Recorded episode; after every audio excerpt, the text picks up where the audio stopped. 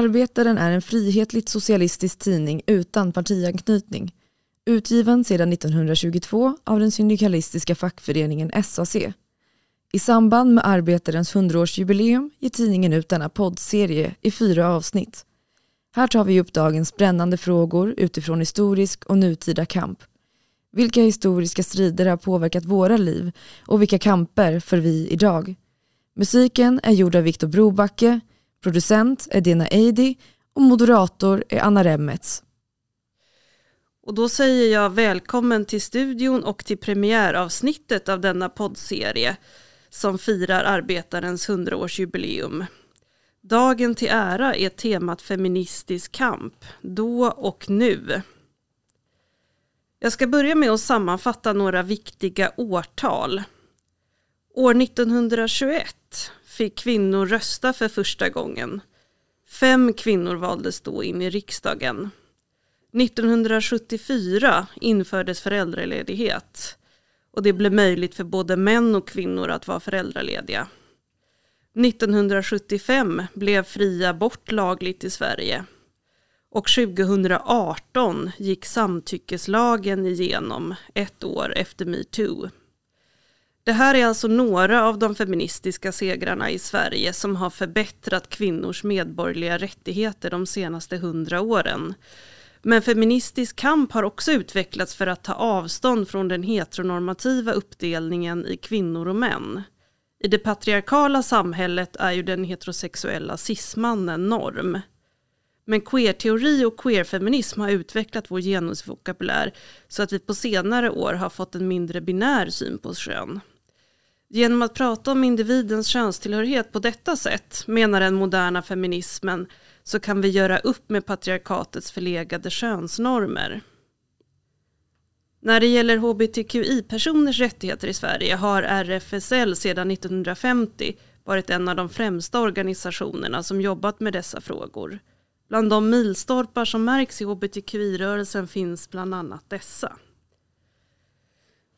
År 1944 så blir sexuella relationer mellan samtyckande vuxna individer av samma kön inte, det avkriminaliseras. 1979 avskaffar Socialstyrelsen homosexualitet som sjukdomsdiagnos. 2009 ändras äktenskapsbalken och äkta makar anges könsneutralt. Och 2013 så tas steriliseringskravet vid könsbekräftande kirurgisk vård bort. Idag i studion har vi med oss Minou Alinja som är lektor eh, och docent i sociologiska institutionen vid Uppsala universitet. Edvard Summanen, genusvetare, sociolog och författaren Jenny, Jenny Gunnarsson Payne professor i etnologi vid institutionen för historia och samtals, eh, samtidsstudier på Södertörns högskola. Välkomna hit ska ni vara. Tack så mycket. Tack. Och jag heter då Anna Remmets och jag ska vara moderator för dagens samtal. Ni som sitter här idag har ju jobbat med olika bitar av samhällets syn på kön och strukturer. Eh, skulle vi kunna börja med att diskutera om den feministiska kampen idag är mer spretig eller är det så att vi bara är bättre på att synliggöra olika frågor och konfliktlinjer än vad tidigare generationer har varit. Edvard, vad tänker du om det? Ehm, jag tänker att om vi tar hbtqi-personer som eh, som exempel så tänker jag att det absolut är så, både, både inom den rörelsen och inom den feministiska rörelsen, att det finns en större bredd på många sätt. Eh, jag har alltid upplevt rörelsen som spretig, men jag tänker att det har ju hänt någonting i fråga om att det finns en ökad synlighet och möjlighet att ta plats på olika sätt. Till exempel genom sociala medier och visa på behov. Så att det händer någonting där. Att även om det alltid har varit spretigt så tänker jag att det är en närvaro på samma sätt. Mm, tack. Minou och Jenny, vad tänker ni om det här? Ja, jag kan säga någonting om det. Och det jag funderar på när jag såg den frågan i förväg, när vi fick fundera, det var ju liksom att lite både och säkert. Det, att jag, jag, upplever precis som Edvard att det finns en kanske större spretighet än bara vad jag minns från eh, liksom 90-talet när jag började bli engagerad i frågorna. Men samtidigt så vet jag att det finns ju också en risk att man förenklar tidigare kamper. Att det som blir kvar i historieskrivningen är ju inte alltid hela den spretighet som då fanns. Jag tänker att det är lite både och där. Ja, jag håller med både Jenny och Edward. Och jag ska bara tillägga att det finns kanske mer, mer numera kanske mer medvetenhet om. För det, det, har all, aldrig funnits alla olika varianter. Aldrig varit en enhetlig feministisk rörelse. Aldrig funnits. Men numera kanske finns mer, diskuteras mer. Finns det mer erfarenhet. Mer liksom kritisk, normkritiskt perspektiv. Så, så det, och det är bra tycker jag. Ja, men här tänker jag också, det borde ju också spela in den här enorma utvecklingen med internet och kontakt, mm. att det är andra mm. kontaktytor som gör att mycket av den här spretigheten syns kanske ännu bättre och diskuteras över liksom, grupperingar och mm. länder på ett annat sätt. Apropå grupperingar och kontaktytor och sådär, vad, vad tänker ni kring separatistisk organisering och eh, separatistiska grupper? Är det sammanhang där man eh, kan hämta styrka eller, eller det, det ena behöver inte utesluta det andra i och för sig, men eh, man hör ju ibland att det snarare kan vara så att eh, separatistiska sammanhang skulle reproducera olika eh, olikheter och meningsskiljaktigheter och sådär. Vad, vad tror ni om det? Ja, jag, kan, jag kan börja med det. Um, jag, jag, håller, alltså jag om, om jag ska utgå från en, ett intersektionellt perspektiv på, liksom, på aktivism, på alla typer av kamper. Det kan vara eh, alltså feministisk rörelse, det kan vara antirasistisk rörelse, det kan vara arbetarrörelse, det spelar ingen roll. Men alla, alltså, eftersom om man utgår från att alla typer av förtryck, alla maktstrukturer, de samverkar, de sammanfaller, de aldrig, alltså man är aldrig som de aldrig kommer ensam eller verkar ensam. Då på samma sätt, om man ska bekämpa dem också. Då ska, alltså det, kampen, kamperna måste också samverka, för det, det finns inget annat väg. För att I ett samhälle där det finns de här olikheterna, där det finns maktskillnaderna, där det finns liksom över och underordning. Alltså det, det finns inget annat väg. Om man inte gör det, då innebär det att man måste trampa på andra för att nå sina rättigheter. Så, så det, mm, jag är mer som, mer som samarbete, mer dialog. Alltså, trots skillnaderna, trots Alltså man ska också vara medveten om skillnaderna, man ska erkänna skillnaderna och se dem som historiska processer, inte som liksom något som är medfödd eller något essentiella eller statiska grejer. Men med medvetenhet kring skillnaderna, kring skiljelinjerna, kring, kring liksom olikheterna, men ändå samarbeten finns. Alltså man kan alltid bilda koalitioner, komma tillsammans kring olika typer av frågor, olika gemensamma intressen och solidarisera, alltså stödja varandra helt enkelt. Det, det finns ingen annan väg. Ja, men jag tänker igen, alla sådana där frågor, är så, oj vad stort och nu kan man prata länge, men det är uppenbart att många historiskt har och fort, fortsätter att hämta eh, styrka ur olika typer av separatistiska sammanhang. Någonting som man kan liksom fundera kring det är att det är ju ett Ehm, alltså inget sammanhang, även eh, separatistiska sammanhang är ju liksom, vad ska man säga, oskyldigt, nu är sådana här citationstecken i, Eh, i luften. Och att det finns ju alltid risk för eh, förstås hierarkier och exkluderingar eh, på olika grunder inom separatistiska sammanhang också. Och det finns, nu har jag tyvärr tappat namnet, men intressanta texter som skrevs just på 70-80-talen när det var en väldigt vanlig kampmetod som problematiserar också att de här, att det inte nöd, att jag tänker att det är viktigt att inte heller romantisera separatistiska sammanhang i så fall. Och inte tänka att ja, men bara för att vi är enbart, vad det nu kan vara, kvinnor eller svarta, eller att det, liksom, att det i sig innebär att man blir fri från maktstrukturer och eh, möjliga hierarkier och problem. Men det finns en risk att osynliggöra dem om man tänker sig att de här sammanhangen är då oskyldiga. Vad tänker du Edvard? Nej, men jag håller helt med om att det kan ju lätt skapa en eh, felaktig bild av att är man fri från olika typer av eh, andra strukturer eller hierarkier, precis som, som nyss sa. Eh, jag tycker att separatist kan vara väldigt användbart och stärkande. Ett bra sätt att arbeta som jag tycker har varit, ja, men gett mig såklart väldigt mycket i mitt engagemang men också ser att det är bra för många andra. Att man kan utforska nya saker, man kan känna sig trygg, man kan få det finns helt enkelt många friheter man kan vinna på det. Men samtidigt så är det ju någonting man behöver fundera på. Vad menar man? Vilka är det som är välkomna? Att om jag har en transseparatistisk grupp, hur definierar jag vem som är transperson till exempel? Det finns ju en risk att eh, någon inte känner sig inkluderad som, som har behov av gruppen eller att andra deltagare får idéer om vem som är en riktig transperson och vem som inte är det. Eh, och det tänker jag återkommer i separatistiska sammanhang. Var går gränserna? Så att man skapar också ett vi och ett dem som kan bli problematiskt. Mm. Jag ville bara säga att eh, liksom, det är klart att de, jag menar, i vissa situationer kan det behövas. Som, alltså det finns många exempel också. Men det är jätteviktigt att alltså det är en balansgång alltid. Alltså när man definierar en grupp, det kan vara liksom gruppen kvinnor, gruppen muslimer, gruppen svarta eller vad som helst.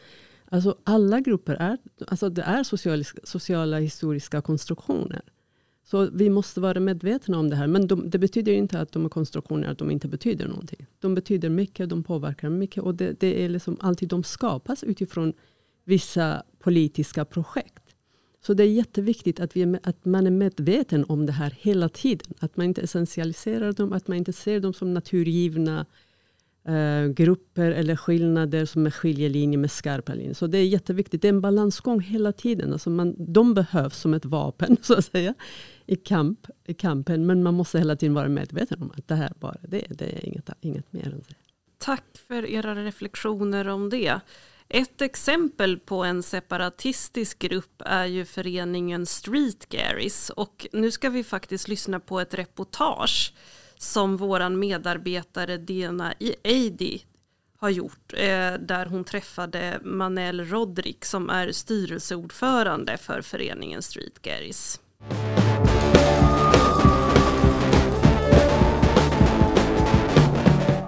Jag eh, har varit ordförande för eh, Street ett par år nu. Jag brukar faktiskt använda uttrycket att jag har, alltså så Street är i min ryggrad för att eh, de här värderingarna som vi så starkt står för kring eh, antirasism och representerad feminism är så otroligt viktiga delar och som präglar mig i vardagen.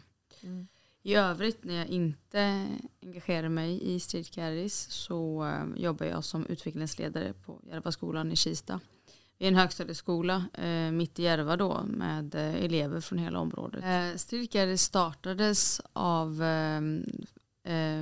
en grupp unga kvinnor boende faktiskt i just Järvaområdet som var väldigt trötta på att den allmänna debatten och den feministiska debatten var så otroligt eh, underrepresenterad av eh, alltså det jag kallar våra röster. Alltså eh, kvinnor, icke-binära personer som är annat än liksom tillhör det vita majoritetssamhället.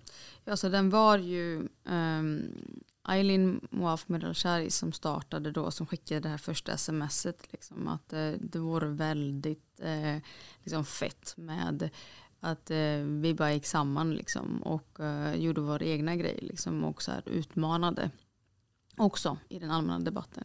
Så från en WhatsApp-grupp så blev det en, eh, ett Facebook-nätverk. Och från eh, nätverket så blev man också en förening liksom, för att kunna möjliggöra det här på olika sätt också. Den här absolut första formen av street garris eh, som då var via WhatsApp att det startades på just 8 mars. Det känns som att det, det, har, det är som sprunget ur någon slags frustration. Håller Absolut. du med om det? Absolut. Ehm, eh, Den, eh, visst är det så. Det är en ren och skär liksom frustration och en, eh, en kan man säga orättvisa över att, att man bara lyssnar på en del av samhället. En, en viss grupp kvinnor och så vidare. Så att när eh, det inte skedde liksom på mm, alltså, makt och strukturell nivå så fick vi ju göra det utifrån vår egna handlingskraft helt enkelt. Sen därefter så eh, inom loppet av ett år så kände man att man ville eh, alltså börja hitta på faktiska aktiviteter och eh, lyfta de, våra röster och eh, liksom göra eh, tydliga eh, liksom, aktioner för att vi ska liksom, visa att eh, våra röster spelar roll. Och, och, men inte bara det utan också aktivt kunna känna det här sammanhanget och gemenskapen, syskonskapet som vi pratar så mycket om. Vi vill liksom tillsammans kunna ta fram material och underlag för att kunskapshöja, medvetengöra och likväl folkbilda som opinionsbilda i frågor för att ska du kunna kritisera, utmana och uttrycka olika sätt för att eh, omfördela makt eller kritisera strukturer då behöver du också kunskap för det. Alltså, eller du bär ju med dig kunskap oftast i dig själv. Men jag som person kan alltid tycka det är, eh, finns ett starkt värde i eh, utbildning, i eh, informationshämtning, att tillgängliggöra. Det är det som Strikeres också gör via, via folkbildning, att vi tillgängliggör information. För om man är oavsett ålder eller kön eller hur man identifierar sig och så vidare eh, så vill man ju på olika sätt eh, känna sig trygg i att här kan jag läsa information för att förstå bättre det här sammanhanget. Och ehm, de frågorna som vi har liksom riktat in oss på kring liksom antirasism och intersektionell feminism det är ju delar liksom som vi då vill tillhandahålla liksom, eh, underlag för att kunna förstå bättre och liksom vilja anamma och ta till sig på olika sätt. Eh, vi har också en progressiv kommunikation kring liksom saker och ting som vi tycker är högst relevanta. Eh, talet som podcast eh, som nu vi har gjort två år i rad eh, är ett väldigt tydligt exempel på det. Ehm, där eh, vi utmanar Sommar i P1 för att eh, där är det inte bara väldigt vitt utan det är också väldigt etablerat och eh, ett ganska förleget men uppenbarligen också omtyckt format av majoritetssamhället. Men sen så handlar ju talet om att människor berättelser ska komma fram. Det stärker ju många av oss liksom att så här, igenkännedom skapar gemenskap och gemenskap behöver vi. Liksom. Eller vad är, vad är liksom din, eh, din bild av den moderna feminismen i Sverige? Känner du att eh, det är det ni jobbar med? Är det någonting mer ni skulle vilja göra? Hur är liksom klimatet i stort? Det är väldigt stora frågor. Mm. Du får gärna mm. jag tänker att, som du kan. Eh, ja, men jag tänker att eh, den moderna feminismen är inte mm, vit. Eh, den, är, eh, den tillhör inte de vita feministerna längre utan den, är, den moderna feminismen är intersektionell. Den är representerad. Den är solidarisk. Och de delarna eh, tror jag det finns en, tycker jag, och jag tror att många håller med mig, eh, att det finns en stark avsaknad av i den vita liksom, klassiska feminismen. När man pratar så mycket om jämställdhet och sådär. Och den är så otroligt förlegen. Och eh, den moderna feminismen är eh, vad Strikeres representerar. Jag tror att när vi, vi har varit en, en organisation då som har organiskt vuxit steg för steg under de här nio åren. Och um, vårt arbete har varit, så alltså vi jobbar progressivt för att skapa den förändring vi vill se. Och i och med att vi växer och att det är fler som vill eh, gå med oss i kampen så är det här bara ett bevis att vi är långt ifrån klara. Vi eh, har en eh, jättespännande framtid framför oss men också en framtid som är som innebär en mer solidarisk och liksom modern feminism.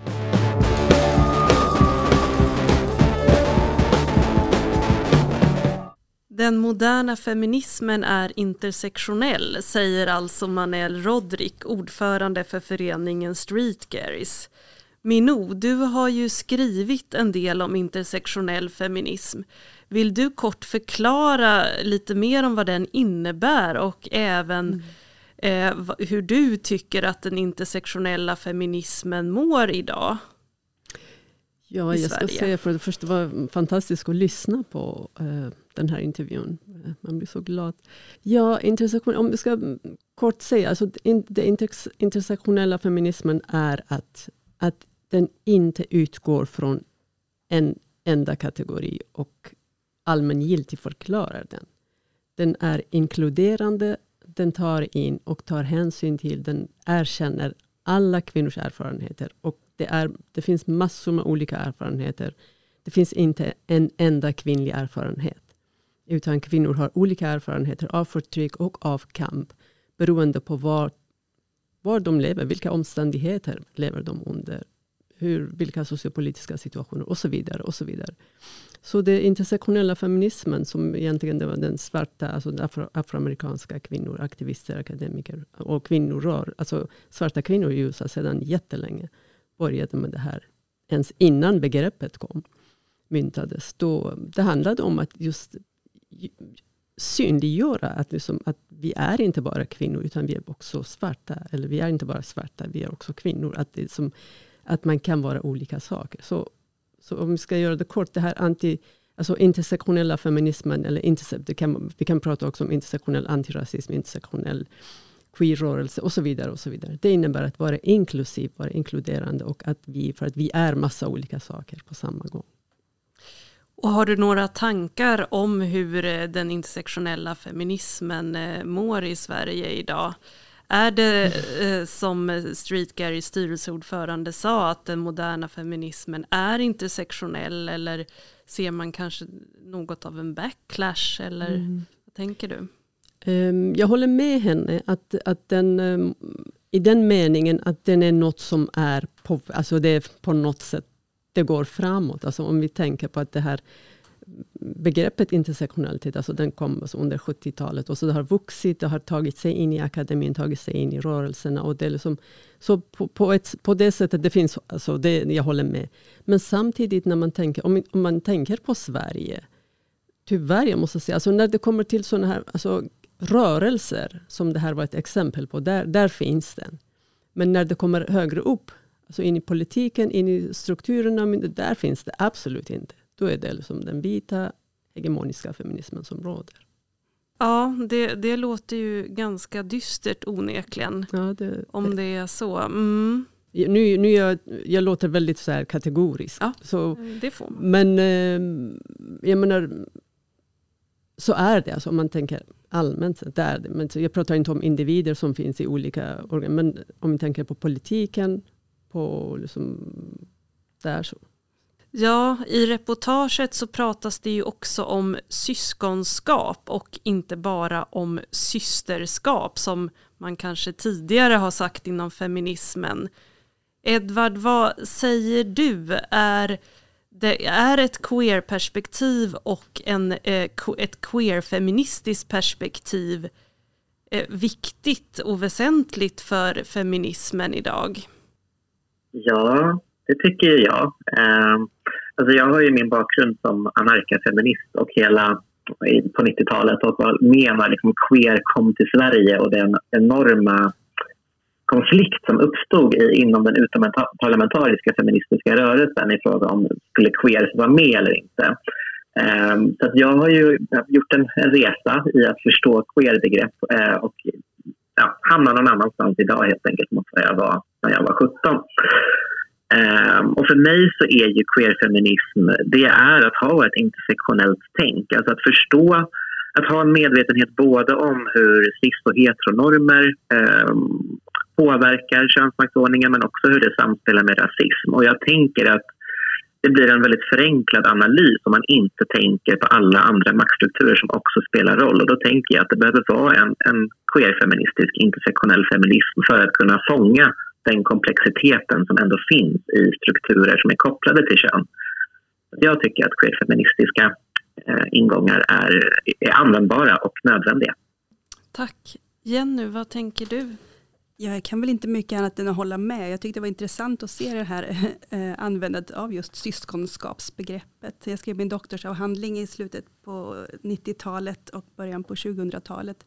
Då var ju systerskap ett väldigt stort, eh, väl använt begrepp i rörelsen. Och, och, jag var också med i just den här eh, väldigt heta debatten om liksom, är du för eller emot queer var ju en sån stor fråga. Eh, och som nu har blivit ganska normaliserad i stora delar av rörelsen i alla fall. Men, ja, så att jag tänkte att om jag ska jämföra det vi hörde i reportaget och också det jag undersökte i doktorsavhandlingen då, det är det som de då kallar för systerskap, alltså att det var, blir väldigt tydligt att det var en form av praktik, någonting som man gör hela tiden. Kanske lite klichéartat uttryckt, men liksom prata om systerskapande. Och här kan vi ju se exempel på, då kanske man kan kalla det för syskonskapande istället. Men att det är just i praktiken, i solidaritetsarbetet och den också kanske självkritiska och in, internfeministiska kritiken som det där syskonskapet kan ske. Och det kopplar ju in med det här med intersektionalitet och vikten av att vara medveten om det här att vi också är med i processer av inkludering och exkludering och har liksom koll på oss själva i det där eh, på något konstruktivt sätt. Ja, nu har vi ju pratat om en hel del begrepp och termer här. Vad tror du, är det kanske så att eh, feminismen har blivit alltför akademisk och att den då kanske har övergett eller blivit otillgänglig för de som allra mest behöver den rent utav? Det där är också en jättesvår fråga, som allt. Men eh, om man ska försöka säga någonting i ett nötskal så tänker jag att kanske i vissa sammanhang att den har det. Att, att det finns feministiska uttryck eller texter som många människor inte känner talar till dem för att den har ett svårgenomträngligt språk och man känner att man måste vara expert på ditten och datten.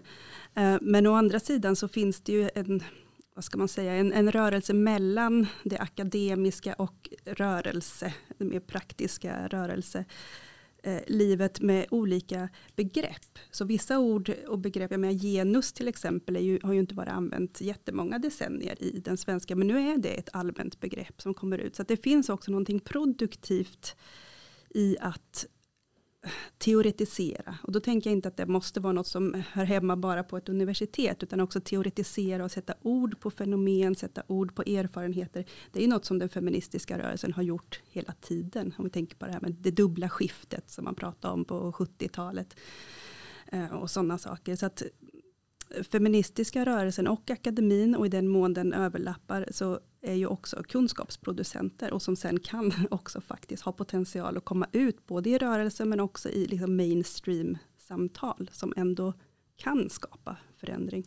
Tack. Eh, ja, jag ska faktiskt återigen knyta an lite till det här med intersektionalitet då och syskonskap. Eh, hur ska och eh, hur kan och hur bör det feministiska kollektivet egentligen hantera Eh, den enorma utsattheten för eh, transpersoner i allmänhet och kanske eh, framför allt transkvinnor i synnerhet. Edvard, vad, vad tänker du om det?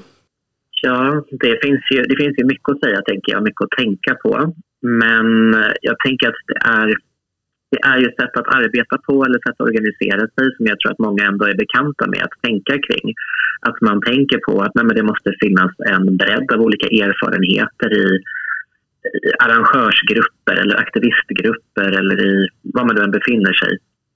Så att man undviker det här vi och dem-tänket men också att man ser till att lyfta olika berättelser och erfarenheter. Alltså att helt enkelt få in eh, transpersoners berättelser och närvaro på ett bra sätt men också lyfta positiva delar så att det inte bara blir att vi en dag om året uppmärksammar alla transkvinnor som har mördats det senaste året utan att, att det också blir någonting som faktiskt är kontinuerligt närvarande tycker jag är jätte, jätteviktigt med positiva också erfarenheter, könseufori och så vidare. Och sen tänker jag att på individnivå finns det också jättemycket man kan göra att precis som gällande andra minoriteter att är man cisperson så kan man säga ifrån vid kränkningar man kan visa solidaritet på olika sätt, delta i demonstrationer eller skriva på en namninsamling eller söka mer kunskap eller följa olika konton på Instagram för att, att få ta del av andra världsbilder och andra erfarenheter. För att transpersoner är en extremt spretig grupp såklart. Eh, så det finns ju väldigt många olika erfarenheter. Men jag tänker att mycket handlar ju här och nu om också att stoppa våld mot transpersoner och också främja psykisk hälsa, särskilt i Sverige. Så vi har ju inte riktigt samma eh, återkommande mord och dödligt våld mot transpersoner som i många andra länder. Men däremot har vi ju en väldigt stor psykisk ohälsa och höga suicid, eh, försökssuicidtankar och också faktiska suicid i självmord alltså i Sverige. Det är en viktig fråga att faktiskt rädda liv på det sättet. Ja, en annan fråga jag hade till dig i egenskap av genusvetare och sociolog då är hur du tycker att sexualundervisningen i skolan fungerar och finns det ett behov av eh, feministisk och eh, queerfeministisk skolundervisning? Ja, jag är inte sociolog utan jag är socionom, eh, kan vara bra att veta. Eh, så det är lite annorlunda. Men jag kanske inte är den bästa på att svara om hur det ser ut i, i skolundervisningen. Utan jag tänker att det är andra som mer jobbar med, med som sexologer eller frågor Eh, kanske har bättre koll på. Men jag möter ju såklart återkommande berättelser om, om brister. Och inte bara brister i, i sexualundervisning. För jag tänker att skolan har ju ett mycket större uppdrag än så. Utan det, det är ju hela, hela grunduppdraget i skolan är ju att faktiskt lyfta alla människors lika värde, att, att värna om jämställdhet, solidaritet, respekt för egenvärde. Eh, och det ska ju förmedlas till unga systematiskt genom hela undervisningen och inte bara Sexualundervisningen ska ju nu vara ämnesövergripande också men, eh, men att jobba med alla människors lika värde är ju någonting som ska dyka igenom, dyka igenom i all undervisning i skolan.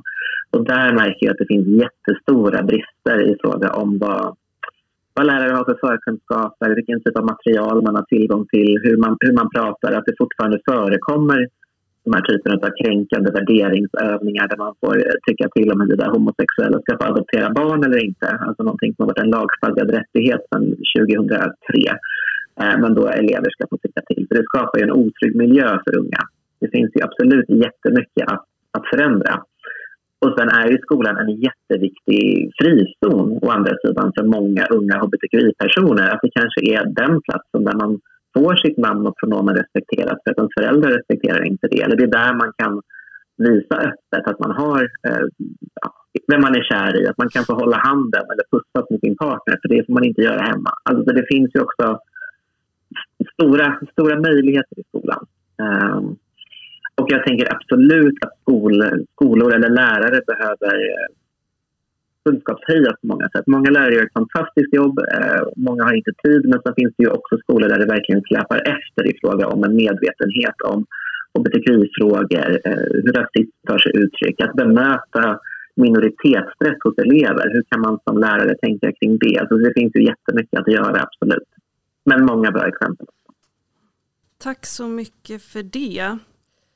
Ja, just nu så drar det ju konservativa vindar över världen, minst sagt.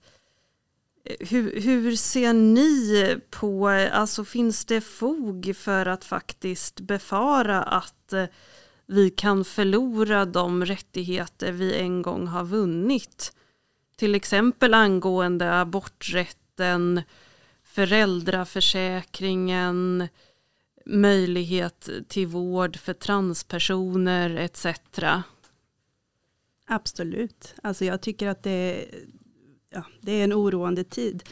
Um, och alltså den här mobiliseringen har ju pågått en längre tid nu. Och vi såg ju kanske tydligast först hur de gjorde framryckningar, såna så kallade antigenusrörelser och politiska partier då, som i Polen och Ungern. Och så Jag tror att ganska länge upplevde jag i alla fall, jag försökte prata med folk om det här, både inom akademin och utanför, så tänkte man sig, ja men det är någonting som händer där borta, det är i Polen och Ungern och man tänkte att det skulle vara så radikalt annorlunda, men vi ser ju verkligen starka framryckningar här. Och de här eh, könskonservativa och sexualkonservativa idéerna gör ju framryckningar i Sverige också. Eh, så det är en, en stor, stor eh, fara.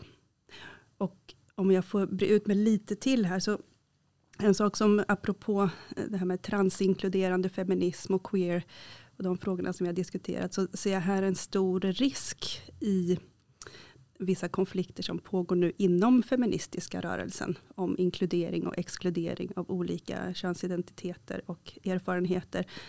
Att det här finns när det är den här splittringen också mellan feminister just nu, att det sker i den här tiden där också den här konservativa framryckningen görs. Dels tror jag inte att det är riktigt en slump, för det är sådana här vindar som blåser. Och sen så tycker jag att det är väldigt oroväckande i sig, för att det är en tid då den eh, feministiska rörelsen um, behöver verkligen ha något slags enad front um, mot de konservativa framryckningarna. Och när man hör vissa diskussioner i den offentliga debatten och ser vissa allianser som görs så blir jag ganska alltså, förtvivlad. Det är nog ingen överdrift faktiskt.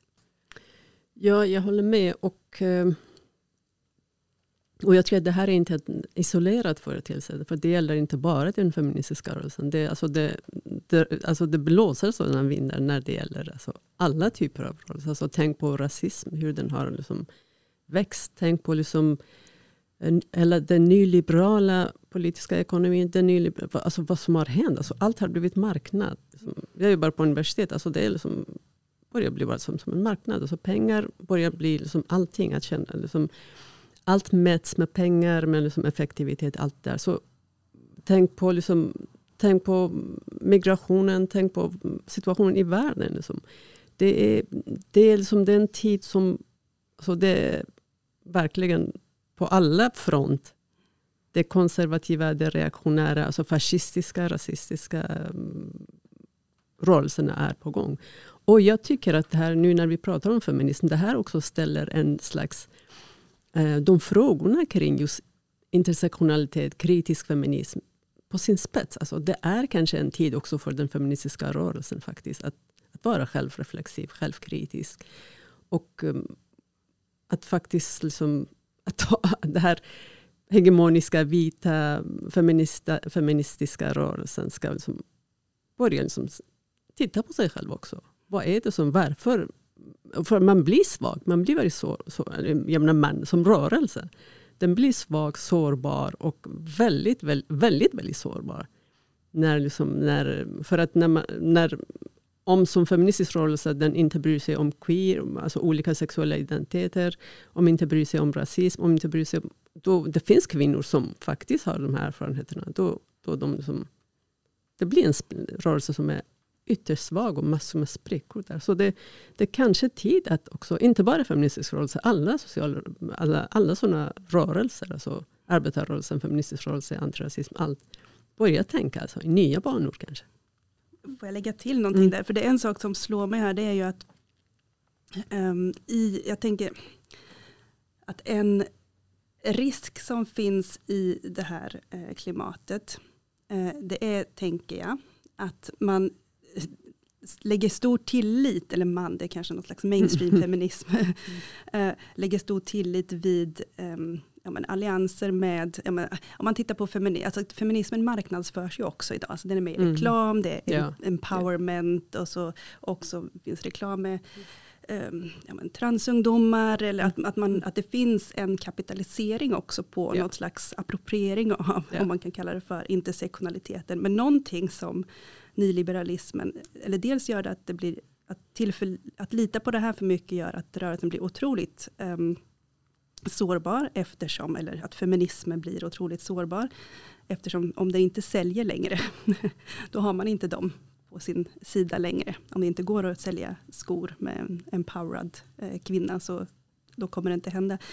Um, och en annan sak som faller ur då, för det, om det är något slags in, eh, appropriering av intersektionalitet, är ju klass. För det kan ju aldrig de här stora eh, företagen göra pengar på. Så jag tänker att det är något som man absolut inte får glömma i intersektionella sammanhang.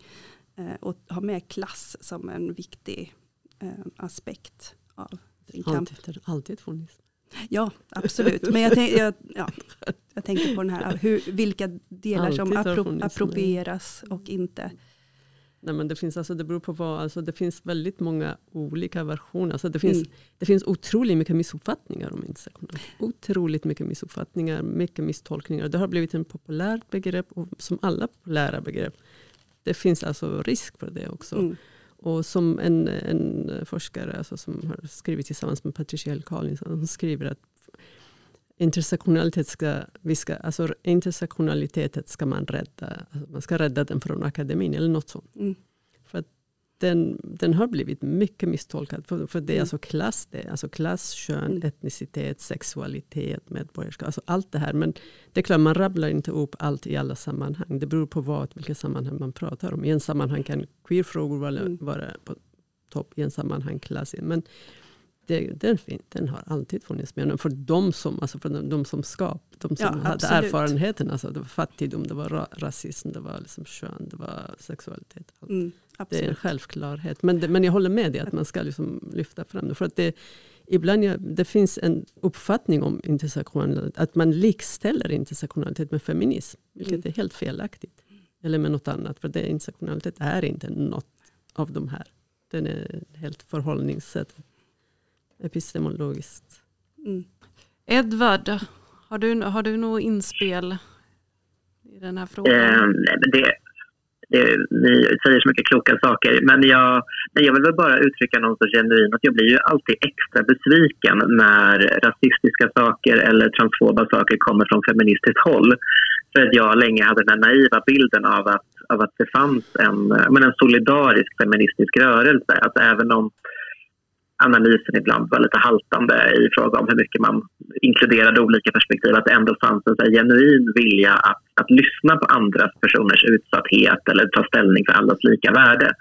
Så att jag blir ju alltid ledsen när det plötsligt handlar om att, att feminister, och det är ju väldigt ofta vita heterosexuella cis-kvinnor med en bra inkomst som då är väldigt tongivande och som tar plats och bestämmer och lägger sig i saker som vem får vara lesbisk, vem får inte vara det? Eller nu får inte transpersoner vara med alls. Eller eh, nu köper vi svart städhjälp och är glada för det feminism. Alltså det, finns, det gör mig så ledsen när, eh, när begrepp på det sättet också men, ja, används eller där man, inte, där man har en väldigt snäv tolkning av feminism. Och det är klart att jag vet ju att det ser ut så. Feminism tänker folk olika om.